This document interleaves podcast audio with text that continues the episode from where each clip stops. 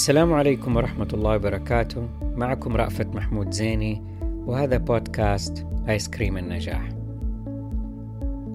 حلقة اليوم بعنوان تذوق الجمال نعمة.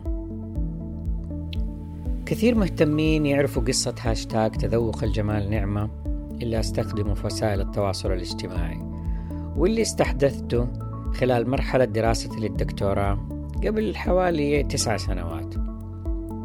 في الحقيقة جذوره كانت في طفولتي لكن تأطيره جاء وأنا في العقد الخامس من عمري.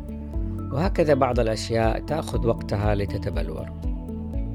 لا أذكر بالتحديد متى بدأ ذلك الاهتمام لكني أذكر من المرحلة الابتدائية وأنا أرسم صفحات وصفحات في الدفاتر لغرف منازل وتوزيع أثاث ولوحات وسلالم داخلية وأتخيل قصص وأحداث فيها.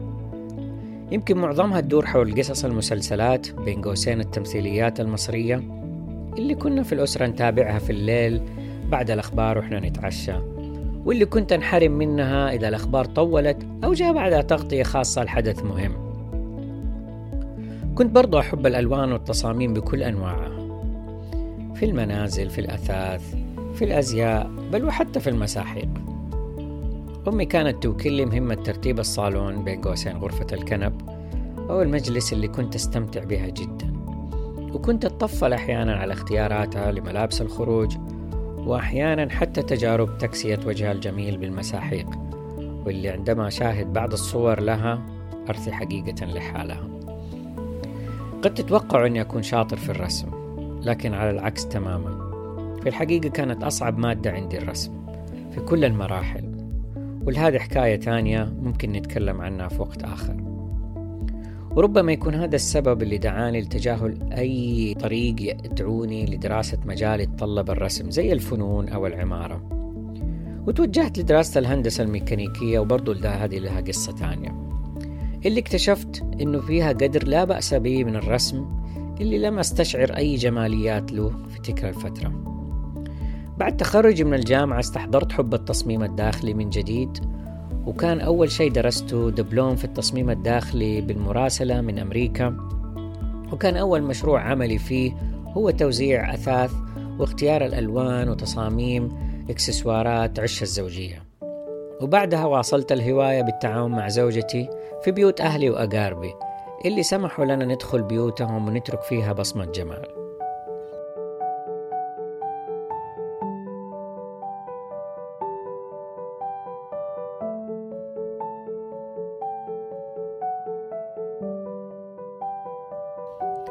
مع الوقت كنت أشعر بالفجوة غير المبررة بين الفن والعلم والهندسة خصوصا في التدريس وحتى في مخرجات التصاميم. فما أذكر أنه الجانب الجمالي كان يدخل فيها أبدا.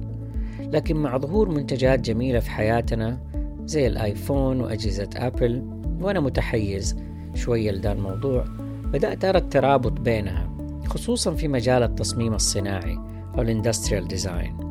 اللي يعتبر جوني آيف مصمم أبل المعروف أحد أساطنته المهم ما زلت أذكر كيف برضو صدمتني إيجابيا لوحة في مدخل مبنى الكلية في جامعة دبليو بي آي وهي تقول كلية العلوم والفنون School of the Arts and Sciences.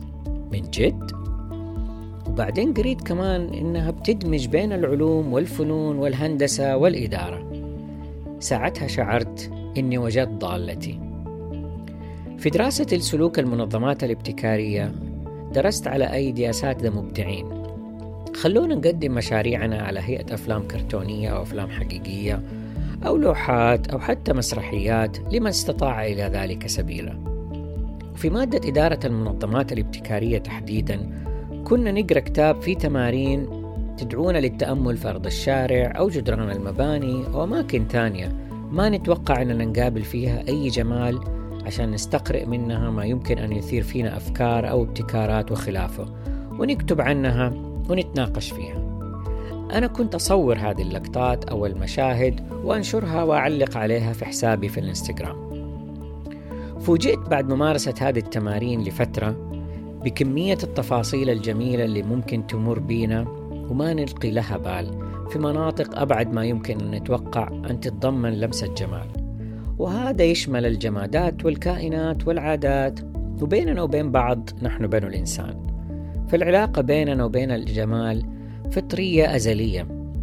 ممكن أحيانا نسمع كلمة أو نغمة أو نذوق لقمة أو تداعبنا نسمة أو نشوف ابتسامة نلمحها كده أو نقف مشدوهين أمام منظر أو صورة أو لوحة وغيرها ولا نركز وننتبه ونتمهل لنستشعرها ونتأمل في تفاصيلها الجميلة فضلا عن أن نبحث عنها. شعرت كذلك بالأثر الملهم لهذا الموضوع والتشافي والهدوء التراكمي الممتد اللي تزرع تلك الممارسة في دواخل النفس. ومن هنا أدركت وبالتالي صغت عبارة تذوق الجمال نعمة أتمنى أن سماع, سماع الحكاية جاوب على السؤال اللي عندكم. وأدعوكم أنكم تشاركوني عادة تذوق الجمال أو نعمة تذوق الجمال. وتستخدموا الهاشتاج لنشر الوعي بإدراك الجمال فتزداد الحياة جمالا بجمالكم. وشكرا لكم وإلى اللقاء. بالمناسبة وما أحب أتقل عليكم لكن بما أني نشرت البودكاست الآن في اليوتيوب المهتم والمهتم فقط. يشترك في القناة ويفعل جرس التنبيهات عشان توصلوا الحلقة في وقتها. وشاكر لكم حسن استماعكم.